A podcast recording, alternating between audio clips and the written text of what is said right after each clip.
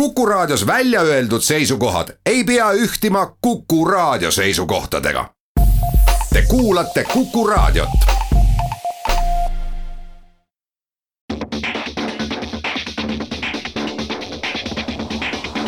autotund.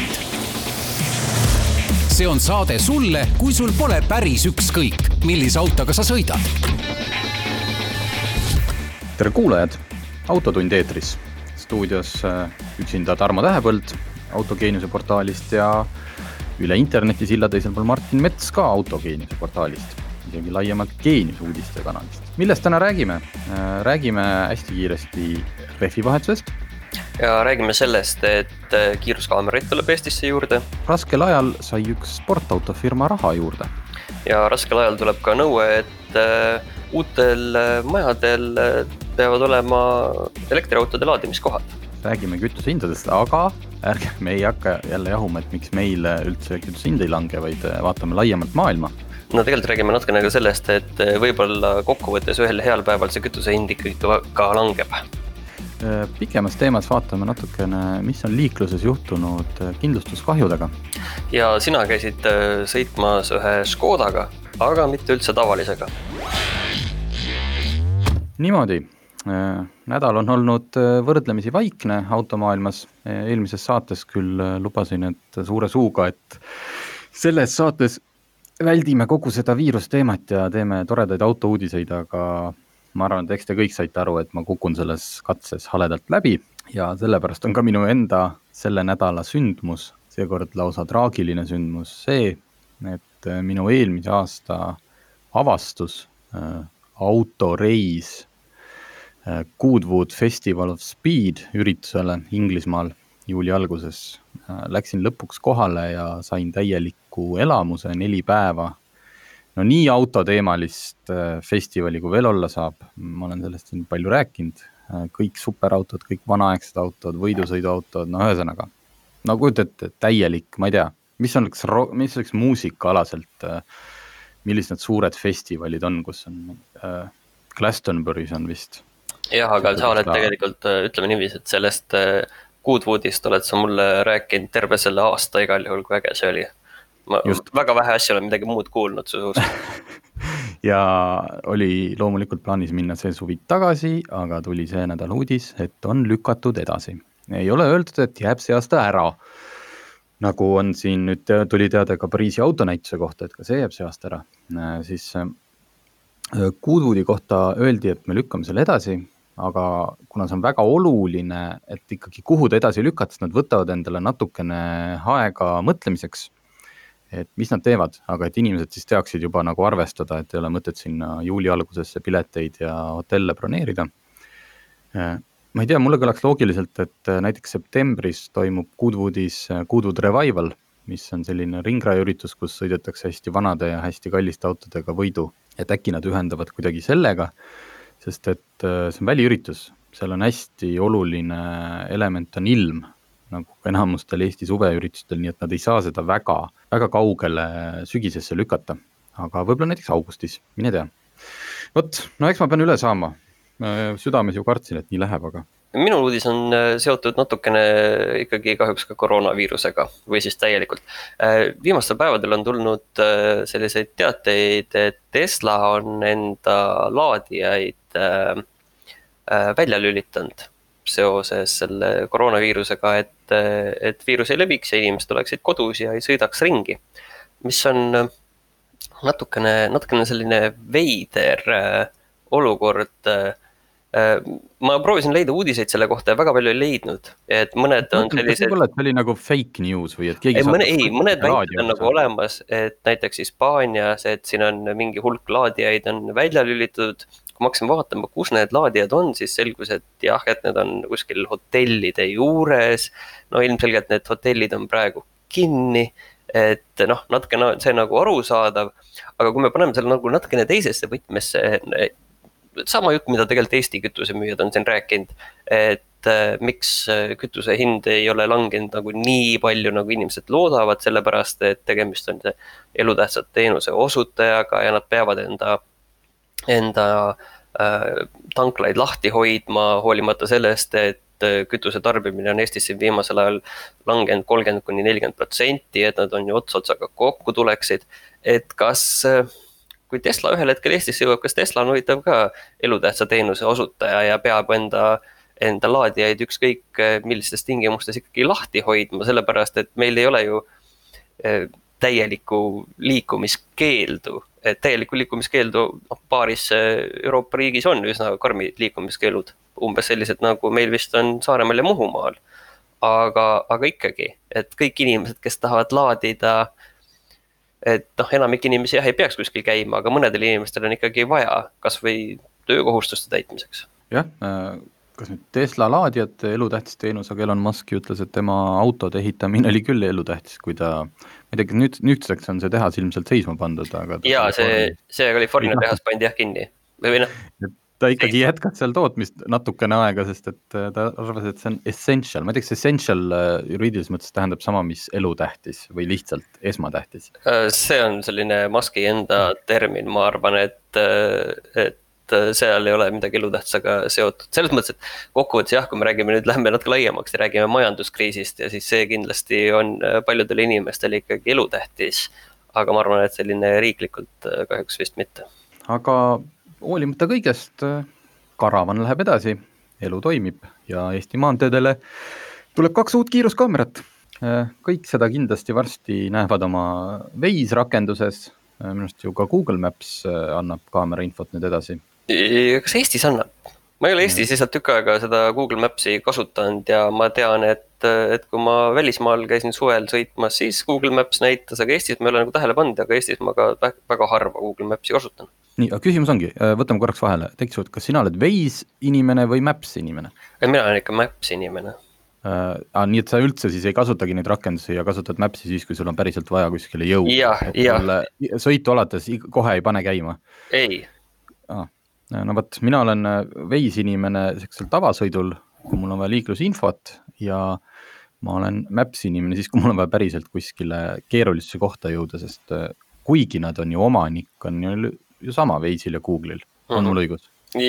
et siis kohati mulle tundub, et nad ikkagi kasutavad erinevaid lahendusi kohtadesse jõudmisel ja millegipärast ma usaldan Maps'i rohkem, et äh, Waze on mind mõnikord juhatanud väga ebamugavatele teedele ja väga kummalistele. aga me nüüd. mõttes hea, aga kui sul kuskile kiire on, siis halb. me nüüd ei öelnud, et äh, kus kohal need kaamerad tulevad. just, üks tuleb Harjumaale, äh, Lääne-Harju valda Tuulna külla ja teine Lääne-Virumaal Rakvere valda. Harjumaa oma asub Tallinn-Paldiski maantee kolmkümmend, kolmekümne viie koma üheksandal kilomeetril. on vist kuskil seal. Tallinn-Paldiski suunal. kas see on peale Keilat siis või? jah, seal, kus ähm, kus see golfiväljak, see suur oli niitvälja, niitvälja kandis või minu arust, natuke võib-olla eksin, aga kuskil sealkandis. nii, aga teine tuleb ju sinna sinu kanti. Rakvere Haljala maantee kolma koma kolmas kilomeeter ja mõõdab kiirust Haljala-Rakvere suunal. kas see on nüüd peale seda suurt liiklussõlme, mis läheb Rakvere poole? jah, kui sa Haljala pealt äh, keerad. ei, äh, aga kui ma Tallinna pealt tulen, siis ju ka, ei? jah, kui sa Tallinna poolt tuled, äh, keerad seal Haljala liiklussõlmel, keerad Rakvere peale, siis kuskil seal on see problemaatiline koht olnud? Ähm, mina ei ütleks, ma olen seda ikka sõidan aeg-ajalt, aga see on selline suhteliselt rahulik tee.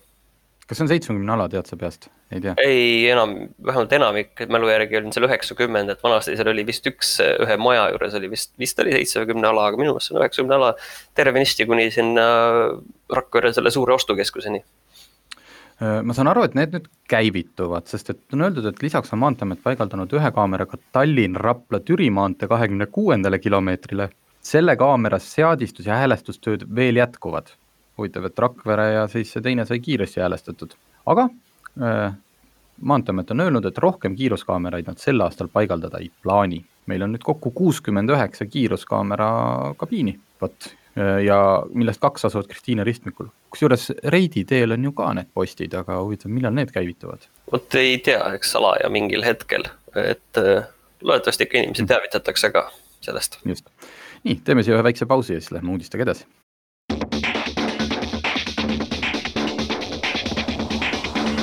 Autotund. see on saade sulle, kui sul pole päris ükskõik, millise autoga sa sõidad nii, Autotund tagasi eetris. üks oluline teadaanne liiklusjärelevalve keskuselt, et kuigi meil on siin olnud peaaegu kaks nädalat päikesepaistet, aga eile tuli ka lund ja politsei paneb südamele, südamele, et rehvi vahetuseks on veel vara. Pikemaajalisem ilmaennustus näitab aprilli ikkagi veel miinuskraade, võib tulla lund kõike. ja täna hommikulgi oli tegelikult äh, päris, päris jahe ja on näha, et igal pool härmatis on maas ja et, äh, et ilmselt on veits natuke veel vara, jah. kusjuures eile ma nägin, äh, see oli vist Delfi uudis, pilti, kus politseiauto oli maha sõitnud liiklusmärgi ja juures oli kiri, et libeduse tõttu kuskil pööra, pööramise peal kaotas äh, juhitavuse. nii et äh, ma eeldan, et neil olid endal ikkagi talverehvid all ja isegi siis juhtus selline rumal lugu. et jah, kui, kui hing kangesti ihkab panna alla suverehve oma ilusate velgede ja kõigega, siis te lihtsalt peate arvestama, et võib-olla igal päeval te ei saa sõita või siis see, et teid võib tabada ootamatu libedus. nii et parem oodake, naelrehve lubati kasutada kuni kolmekümnenda aprillini. nii äh,, lähme korraks tagasi Inglismaale. Aston Martin, mis on äh, siin pikka aega vaevelnud äh, rahahädas ja millest on nende rahahäda tingitud, see on huvitav äh,. Nad ei ole saanud õigel ajal valmis äh, oma linnamaasturit äh,. Neil on, tegelikult on ta juba valmis, sellega on välismaa ajakirjanikud teinud juba ka proovisõitu see nimi on DBX. Aga natukene on äh, firma rahast tühjaks jooksnud ja nad on siin tükk aega on käinud äh, erinevad kosilased ja lõpuks siis äh, tuli Lawrence Stroll, üks Ameerika ettevõtja ja ostis omale osaluse Aston Martinis ja nüüd saab DBX linna maasturivinna tootmisesse ja lisaks siis tuleb ka Aston Martin F1-e tagasi. aga siis ühesõnaga järgmisel aastal, ma saan aru? Jaa, äh, Aston Martin ütleb, et neil on nüüd rahastus olemas vähemalt kaheteistkümneks järgmiseks äh, kuuks ehk siis terve aasta. kolmsada viiskümmend kuus miljonit naela äh, sai siis F1 meeskonnaomanik Lawrence Stroll Aston Martinile anda ja selle eest sai ta ka executive chairman, juhatuse esimees äkki. ühesõnaga jah, mingi, mingi, mingi Meediks, mugava, mugava koha seal, jah ma ei tea, mis mugav koht see on sellisel ajal ühte luksusautofirmat üleval pidada. uhke vähemalt, selline uhke nimi vähemalt, kui ei midagi muud. ja nüüd on öeldud, et tänu sellele investeeringule saab TBX-i linnamaastur kohe minna töösse, kohe, kui äh, Covid-19 lubab. ehk siis äh, kas äh, Saint Athase, Atheni tehas pandi loomulikult seisma selle viiruselaine käes ja nüüd kohe Aston Martinist kahju, nüüd on rahahunnik käes, nüüd tahaks kohe hakata tööd vihtuma, aga nüüd on piirangud ees. aga igal juhul tore, see on hea, et, et keegi ei pea minema kohe niimoodi pankrotti, eriti kui see on Aston Martin. veel üks uudis elektriautodega seoses, et riik jõustas nüüd, õigemini hakkab kehtima see seadus, et kui järgmine, on plaanis nüüd hakata maja ehitama, kus on rohkem kui kümme parkimiskohta, siis äh, järgmise aasta kevadest on kohustus, et seal oleks ka elektriautode laadimisvõimekus äh,. proovi nüüd kohe mulle ära selgitada, et see laadimisvõimekus tähendab seda, et sinna tehakse nüüd päriselt mingi laadija koos kõigi nende äh, mitme otsikuga või siis äh, veetakse sinna kuskile maja ette, tuleb vedada piisavalt jäme kaabel selleks see pii-, jah, see tähendab, et maja peab olema varustatud kaabliga, et iga selle parkimiskoha juures, kas siis noh, niimoodi maa sees, ma eeldan, või siis ots väljas on võimalik paigaldada elektriauto laadija. ja sa ei pea sinna laadijaid valmis ehitama. ja suurtele ettevõtetele kuuluvad mitteelamud, no tööstushooned, ilmselt kontorid, tuleb, seal tuleb juhtmetaristuga, taristuga varustada vähemalt viiendik parkimiskohtadest ja kui... paigaldada vähemalt üks laadimispunkt et äh, siin ei tekiks natuke nüüd ka segavust, segadust, et keegi endal maja hakkab remontima, et siis tegelikult siis kohe ei pea seda kaablit sinna ette vedama. et need nõuded hakkavad siis kehtima järgmise aasta kevadest. ja see tähendab siis, kui maja juurde on plaanitud äh, enam kui kümme parkimiskohta. et kui te endale eramaja juurde plaanite vähem, siis tegelikult ei pea seda tegema vähemalt mina sain sellest niiviisi aru. ja, ja ongi, et kui on enam kui kümme kohta, siis, nii et kui te olete rikas inimene, teete eramaja ja teil on üksteist autot, siis te peate tegema, üksteist parkimiskohta, siis te peate tegema sinna juhtmetaristu aga tegelikult see on väga huvitav, sellepärast et see mingid plaanid liiguvad omasoodu edasi seoses kõigi nende kliimaneutraalsuse eesmärkidega, aga tegelikult reaalsus on ikkagi see, et viimase paari nädala jooksul on muidu need kliimaneutraalsuse ja keskkonnateemad kuidagi väga tagaplaanile ikkagi jäänud, et ma saan aru, et see asi konkreetselt oli, on ju plaanis juba ammu. et sellest räägiti juba vist pool aastat, et selline nõudmine tuleb või selline ja, ja nüüd see on lihtsalt ära vormistatud aga tegelikult äh, kui me vaatame siin kütusehindasid, kui me vaatame siin muidu majandust, kui me räägime siin äh, majanduse elavdamise meetmetest, siis äh, väga palju nüüd sellest kliimaneutraalsusest ikkagi ei räägita, kuigi samas pannakse, pannakse, ütleme, hoonet ehitades pannakse ikkagi nõuded peale, et tuleb, on ju, see kaabel sinna vedada. No lihtsalt selline asi see on nii pika perspektiiviga, et seda tuleb teha, sest et ükskõik kaua meil see kriis siin kestab, mingi hetk äh, me teame, et saab ju läbi ja siis noh, siis hakata nõudma, siis me oleme jälle rongist maha jäänud, et see on igati, igati õigustatud nõudmine ja kui sa räägid kliimaneutraalsusest, ma arvan, et viimased paar nädalat või isegi kuud on äh, kliimaneutraalsusega siin maailmas küll kõik väga hästi. lennuk ei lenda, inimesed istuvad kodus, vaatavad Netflixi no Hiinas, Hiinas nüüd on jälle tehased äh, tööle pandud, et äh, seal kaardid, kaardid näitavad, et tehased töötavad, et kõik on hästi juba. aga tegelikult äh, samal teemal sa tahtsid rääkida, et kui kõrged on nüüd USA kütusehinnad? ja, kui inimesed imestavad või noh, ammu vist enam mitte, et kuidas need ameeriklased, miks nad ikka neid suuri autosid armastavad või, või kuidas nad neid pidada jõuavad, siis tuli uudis, et Ameerikas äh, Kentucky osariigis langes kütuse hind märgilise ühe dollarini galloni eest ja teate, kui palju see on Eesti hinnades? kakskümmend neli senti liiter teeb see hinnaks. Äh, seal võib lisanduda mingeid, äh, Ameerika on niisugune keeruline riik, kus igas osariigis on oma maksud ja, ja tihti on see hind, mida sa näed näiteks, ma ei tea, New Yorgis riideid ostes, seal hinnasildil, siis sulle pannakse kassas veel natuke juurde aga märgiline oli jah, et see üks dollar oli siis seal tankla posti küljes.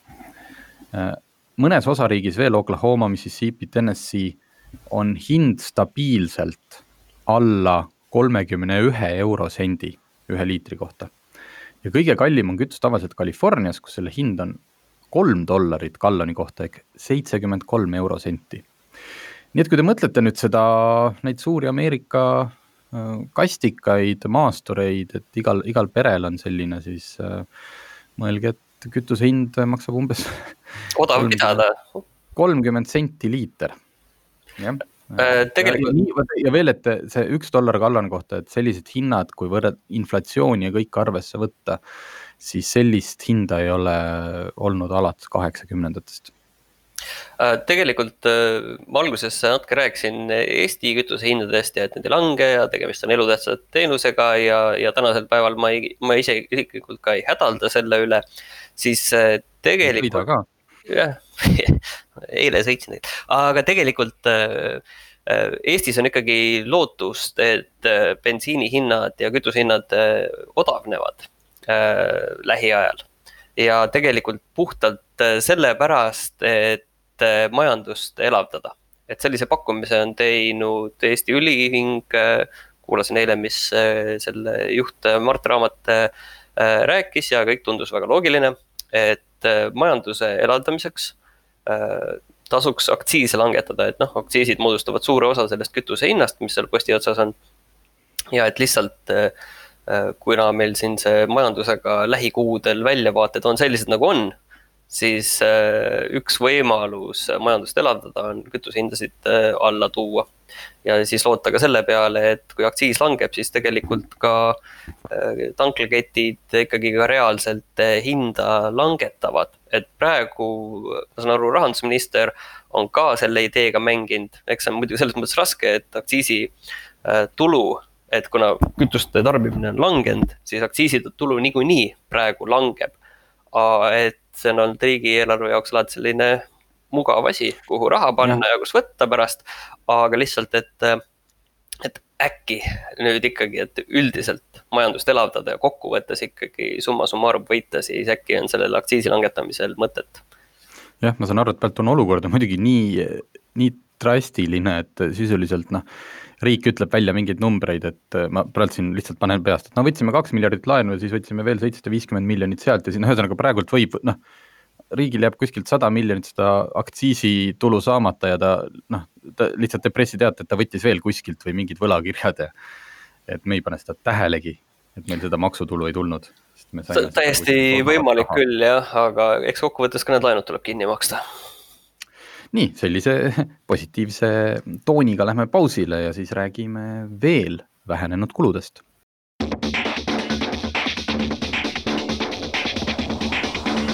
Autotund.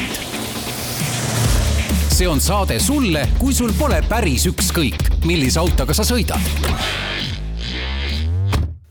autotund tagasi eetris, mis on vahepeal juhtunud äh, paari nädalaga, kui inimesed äh, on koju jäetud siis vähenenud, nagu arvata võib, on avariide arv. üks päev isegi ei olnud ühtegi. jaa, seda on isegi varem ette tulnud äh,, aga see, mida üks päev ei olnud, oli need avariid, kuhu politsei tuleb kohale. sest et iga pleki mõlkimine ja parklakriim ju ei tähenda politseid, aga kindlustuskahjud, et äh, näiteks Ergo kindlustus ütles, et äh, eelmise aasta sama perioodiga, kui vaadati siin märtsi esimesi nädalaid, siis on kohustusliku liikluskindlustuse kahjude arv või see noh, ühesõnaga avalduste arv langenud kolmkümmend kaks protsenti ja kasko juhtumitest on kakskümmend kolm protsenti vähem kui eelmise aasta märtsi esimestel nädalatel ja kui ma küsisin üle liikluskindlustuse fondilt, kes siis äh, tegeleb noh, ühesõnaga omab äh, kõikide kindlustusseltside infot, siis äh, kokkuvõttes on see kahju langenud ehk siis kohustuslik liikluskindlustus hetkel viiskümmend kolm protsenti. see ei tähenda muidugi, et nüüd ongi viiskümmend kolm protsenti, sest et äh, fondi juht Mart Jesse ütleb, et see number ei ole lõplik, sest teave õnnetuste kohta laekub kuni kahenädalase nihkega. seega need andmed muutuvad, aga siis ta täpsustab veel ka, et sellist kindlustusjuhtumite arvu vähenemist, sellist drastilist kukkumist äh, oli näha ka möödunud finantskriisi ajal aga siis toimus see üle pikkade kuude, mitte sisuliselt äh, mõne nädalaga. et siis jäi, siis jäi see rong tookord nagu vaikselt seisma. Nüüd on käinud noh, põhimõtteliselt nagu haamer. niimoodi, et äh, poole vähem liiklusõnnetusi ma muidu, see ei ole muidugi väga üllatav, arvestades seda, et inimesed peaksid on ju kodus. ainult olema. loogiline, jah. jah, aga ma eile kusjuures käisin Tallinnas, ma käisin suhteliselt tipptunni ajal pärast viite no, õhtul natukene ja ega nüüd seda liiklust ei saaks öelda, et nüüd ei oleks olnud. pigem oli liiklus selline tavaline keskpäeva oma, mitte tipptunni oma. Ei, jah, mina elan siin igapäevaselt ja käin ikkagi kodust väljas ka, mitte küll rahvarohketes kohtades, aga, aga näiteks poes või kuskil eh, teist linna otsas. Eh, ja noh, tõesti, eh, vahe ongi selles, et kui sa mõtled, et sul on vaja näiteks viieteist minutiga kuskile või viieteist minuti pärast kuskil olla ja siis sa arvestad seal välja, noh, ja sul liik-, liikumine võtabki täpselt nii kaua aega. igast fooritsüklist lähed sa põhimõtteliselt esimese korraga juba läbi. Aga, tead, kus on palju liiklust või? ma käisin nii. nädalavahetusel, käisin siin Lääne-Virumaal mere ääres ja kõik need RMK matkakohad ja seal oli, ütleme, et kuskil metsateel, ma tean siin selliseid äh, väiksemaid metsateid, äh, mille kaudu saab mere äärde ja kus äh, lootus oli, et ei ole väga palju inimesi. siis vastus on see, et oli küll, seal oli nii tihe liiklus, et ma polnud kunagi nii tihedat liiklust näinud seal mereäärstel teedel. Et selles mõttes, et. aga metsas, aga metsas, aga metsas hajus see rahvas ära, eks ju? no ta hajub, aga arvestades seda, et ma ikkagi nägin nagu autosid seal päris palju tuli vastu väikestel teedel, kus sa ikka pidid vaatama, et aga kuidas me nüüd siit äh, saame niiviisi, et äh, ilma üksteist äh, puudutamata me siit mööda saame autodega. siis tegelikult selles mõttes, et inimesed ikkagi sõidavad. Väga tore, inimesed on kuulda võtnud meie eelmise nädala soovitust, et minge sõitke ja külastage Eestimaad. käisin ise ka, sõitsin umbes seitsmekümne kilomeetri kaugusele Tallinnast, samuti mereranda äh,, ida poole ja ei, lääne poole, sina oled ida pool Äh, lääne suunas ja oli sama asi, et see on üks populaarne koht, noh, ütleme välja ka Nõva. ja kui sa jõuad sinna põhilisse RMK kohta, äh, siis seal vaatad ka, et oh, autosid on päris palju, et siin on vist laulupidu. Aga sõidad nüüd üks kilomeeter edasi ja tegelikult sai käia metsas ja rannas niimoodi, et noh, sisuliselt me nägime vist kahte-kolme inimest, et ikka mõnusasti ajus ära, väga tore oli. ja see on võib-olla meie soovitus ka tegelikult, et eh, kuhu nagu minna, et võib-olla need RMK iseenesest need matkarajad ja need on nagu inimesi täis. aga tasuks otsida selline natukene suvalisem koht eh, mere ääres, kus jalutada, et see rannajoon on meil nii pikk, et siia inimestest nagu Balti ketti ei tee kuidagi nii, aga me alustasime kindlustushindadest ja jõudsime mere äärde. Tegelikult on veel see, et kui ma siis küsisin, et kas see avaldab ka nüüd siis kohe positiivset mõju kindlustushindadele, sest kui me võtame, et sul on liikluskindlustus on sul igal juhul kohustuslik. sul peab see olema, ükskõik, kas see auto seisab sul seal, noh, kui sa pikemaks jätad seisma, sa saad peatada. see, kui sa paar päeva ei sõida, siis sa ju ei peata ühesõnaga kõikidel autodel on liikluskindlustus. liisingautodel peab sul olema ka kaskokindlustus. ka seda sa ei saa ära jätta, sest et noh, ma sõidan ju hetkel vähem. mis tähendab seda, et äh, laekumine kindlustusfirmadele on ju praegult väga hea, äh, välja läheb vähe. ja siis äh, kindlustusfirmadelt küsisin, et kas on juba oodata hinnalangust. no seda muidugi keegi ei luba, eks ma, eks see oli minu poolt ka natuke kiuslik küsimus. Ja... see on väga lootusrikas ja väga mõistlik küsimus ja äh, on öeldud äh, siin erinevad kindlustusseltsid on öelnud, et kui selline kahjujuhtumite arvu vähenemine jätkub, siis kindlasti on sellel ka positiivne mõju kindlustushindadele. hetkel tuleb muidugi arvestada, et tegemist on eriolukorra esimeste nädalatega ning selle pealt pikaajalisi järeldusi teha ei saa. no jah, aga ma isegi mõtlen, et kui nüüd kuu aega toimub väga-väga palju vähem liiklusõnnetusi ja kahjusid ja siis läheb see ju ka see rong, enne kui ta hoo sisse võtab, läheb ju aega okei okay,, suvel tõesti võib-olla sõidetakse rohkem. et äh, see, kui siit sellest õnnetusest kriisist midagigi positiivset välja võtta, siis ilmselt seda, et äh, pikas perspektiivis võivad ikkagi kindlustushinnad odavamaks minna. mina, mina usun, et lähevad, sest et äh, teadupärast kartellikokkuleppeid ju ei ole, meil ei tohi olla Eestis ja, ja sellisel juhul see turu nagu, turuolukord võimaldab nüüd kindlustusfirmadel teha nagu paremaid pakkumisi sest et nende reservid on suuremad ja, ja on nagu mänguruumi. no loodetavasti, noh, ma ei tea jah, kas see nii läheb, aga, aga lootus on, et võiksid ju langeda. nii, ja järjekordse positiivse noodiga läheme pausile.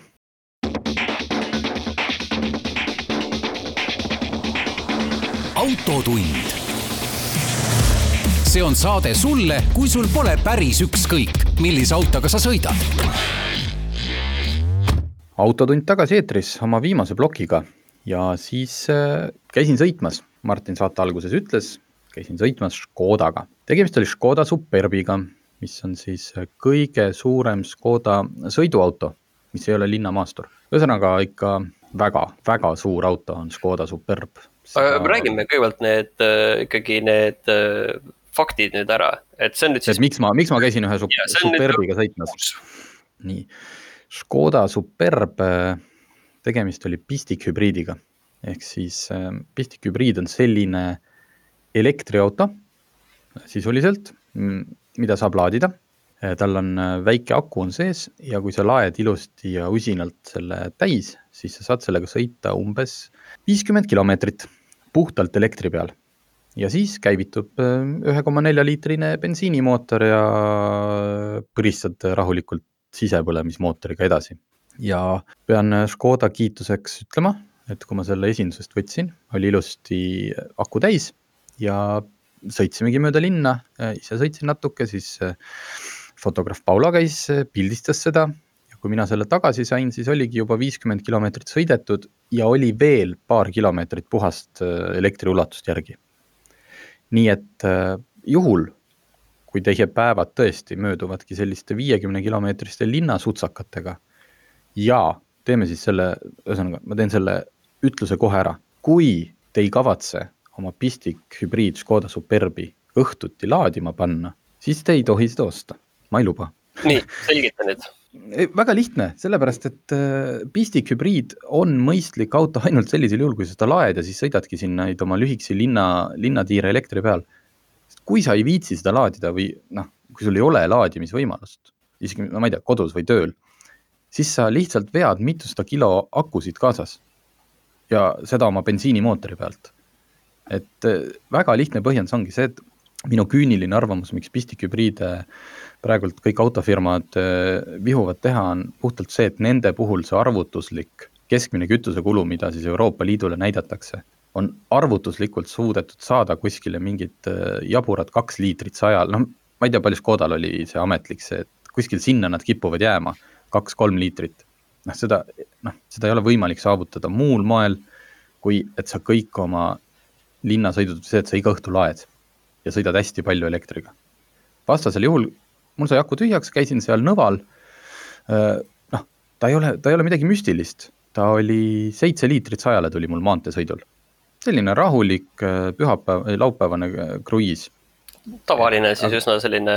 üsna tavaline, aga, aga ma ütlen, et ma linnas, bensiiniga linnas sõitsin vähem, ma arvan, et siis oleks see kerkinud mul ikkagi sinna üheksakümne juurde. lihtsalt, et noh, sul ei ole mõtet osta pistikhübriidi sellepärast, et ta on äge või no, et noh, ma aeg-ajalt saan panna selle seina ja siis sõita elektriga. sa nagu tulistad jalga iseendale ja, ja, ja kogu sellele keskkonnale, sest et toodeti mingid akud, mida sa ei kavatse kasutada. ja, ja kulutad rohkem kütust. nii, see sai nüüd kaelalt ära, ma kavatsen seda juttu alati rääkida, kui ma mõne pistikhübriidiga sõidan ja siin ostusoovitusi jagan või ei jaga, aga muidu muidu Škoda Superb, nii harva, kui ma selle autoga sõita saan, ta suudab alati üllatada. suudab ikkagi, ma olen selline inimene, kes istub autos võrdlemisi normaalselt. Ehk siis mulle juhi kohal meeldib, et iste on pigem kõrgel, kui niimoodi põhja vajutatud, kus mul nina vaevu üle rooli ulatub. ja no enam-vähem ees ka, et ma nagu sihuke väga lebotaja ei ole.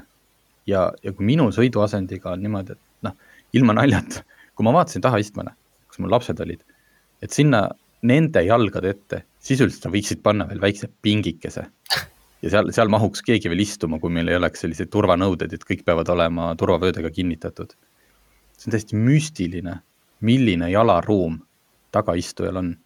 see on sihuke nagu noh, võib-olla, võib-olla sentimeetrite mõttes on seal konkurente rohkemgi, aga ma kujutaks ette, et see on nagu pikendatud kerega, ma ei tea, seitsmenda seeria BMW-s seal see Saksa ärimees, kes tööd teeb, ilmselt äh, saab ennast sama mugavalt lösakile lasta kui Superbis äh, mul lihtsalt endal on see sama, sama kogemus, aga natuke teistmoodi. et kui ma endal näiteks akordis vaatan taha, siis mul on tunne, et nagu vau wow,, lapsed on kuskil taga seal nagu bussis oleksid taga. aga jalaruumi on seal ikkagi kakskümmend viis sentimeetrit või midagi sellist, et, et, et nagu tundub nagu see vahe on nagu hästi pikk, no vaadates sinna taha aga tegelikult seda ruumi, noh, see, sinna autosse nad ei pane seda. Ja, et just ongi, et noh, ka pagasiruum on loomulikult suur, aga, aga täpselt, kui ma ise kunagi veel oli natuke väiksem auto ja, ja noh, lapsed väiksed, igast vankrid olid kaasas. Need läksid pagasnikusse ja alati oli hästi hea, oli see laste jalgade esine põrandaruum oh,. panid siis sinna oma mingid kotid, asjad, lapsed sinna peale ei ulatunud, neid see ei seganud no Superbis saaks sinna panna neid asju ikka noh, korralikult, suurema teleka võid sinna toppida. ka siis, kui lapsed suuremad on. Just, muus osas äh, oli äh, see auto Laurin and Clement varustuspaketiga, mis on siis kõige kõrgem Škoda hinnakirjas peaaegu. väga hea, et sa hinnani jõudsid, ütle, räägime selle asjaga nüüd selgeks. et äh, Superbid hakkavad tegelikult päris madalalt, Superbid hakkavad, hakkavad. natukene kahekümne tuhande pealt hakkavad pihta, tavalised Superbid Äh, hakkavad ja see noh, kui ma olen siin Škoda nende hinnakirjadega mänginud, siis ma viimati vist tegin seda Kodiaq linnamaasturiga ja panin kokku enda jaoks nagu sellise noh, mitte, mitte päris unistuste versiooni, et eks ma sealt üht-teist jätsin ikka ära ka, mis ma sain aru, et noh, võib-olla ei ole vaja. ja ma sain selle hinnaks vist nelikümmend kolm tuhat.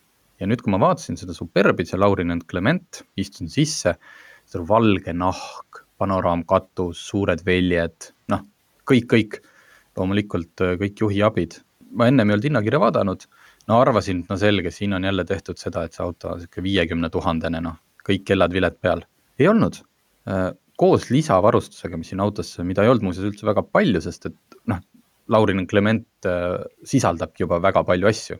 see kõlab igal väga ju... ohjalt, see nimi igal juhul, aga ja, ma ei väga... tea, mida see tähendab, aga.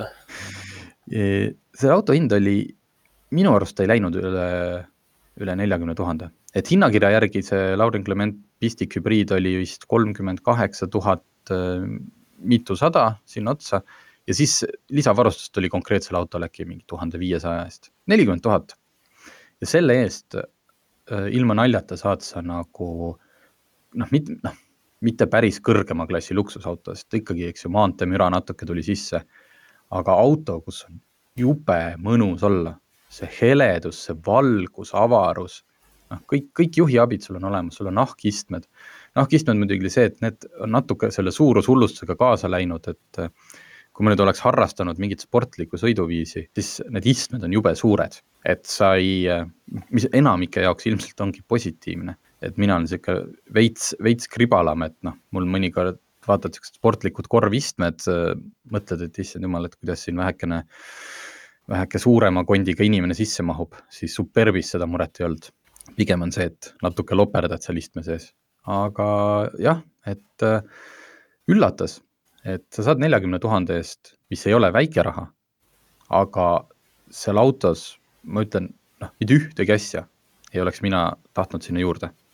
okei okay,, kärukonks, aga võib-olla seal oli kärukonks, mingi nupuke seal oli kuskil, aga noh, see, kus ta tuleb ise alt välja. aga tõesti, seda kärukonksu tegelikult mul ei ole vaja. See on täpselt niisugune asi, mille sa esimesena ilmselt jätaksid välja, kui tuleb piirang ette. nii, aga kes need, mis autod selle konkurendid on, et kui ma nüüd hakkan valima. Volkswagen, Volkswagen Passat.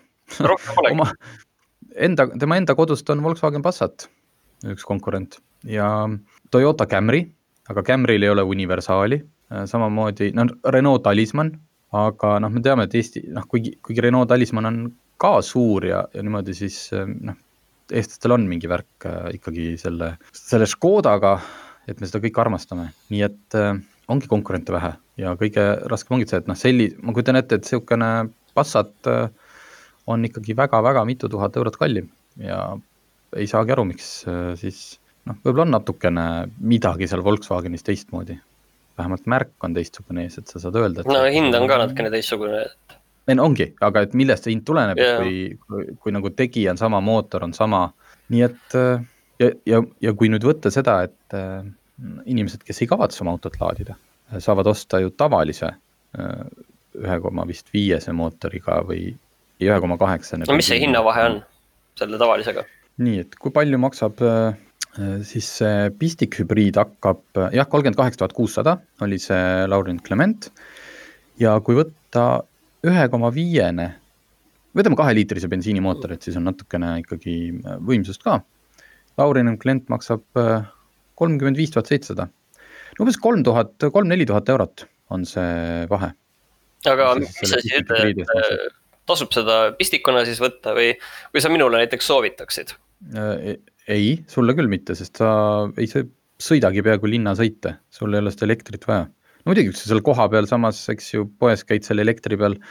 Äh, ma ütlen, et üks, üks asi, mis, mida Eestis ei ole, et ma arvan, et see pistikhübriid on ka siis, kui äh, nendes riikides, kus on sul CO2 pealt on mingid maksud uh. -huh. ja sa saad, sa saad mingeid soodustusi, kui sa ostad äh, nii-öelda väidetavalt paberi peal vähemalt ökoauto. et äh, soovitan osta pistikhübriidi siis, kui sa seda laadida kavatsed, aga soovitan osta Superb äh, universaali, noh ka seda on, on tegelikult väga mahukas. inimesele, kellel on tõesti äh, väga palju ruumi vaja, aga kes ei taha omale linnamaasturit, vaid kellel meeldivad sellised tavalised päris autod, siis noh, Superb on, minge proov-, minge vaadake seda, te ei pea isegi sõitma minema, et see näeb ikka seest päris hea välja oli, oli meeldiv kogemus, väga hea oli selle autoga Nõvale sõita. aga meie saateaeg on täis, kuuleme järgmine nädal jälle, kohtumiseni.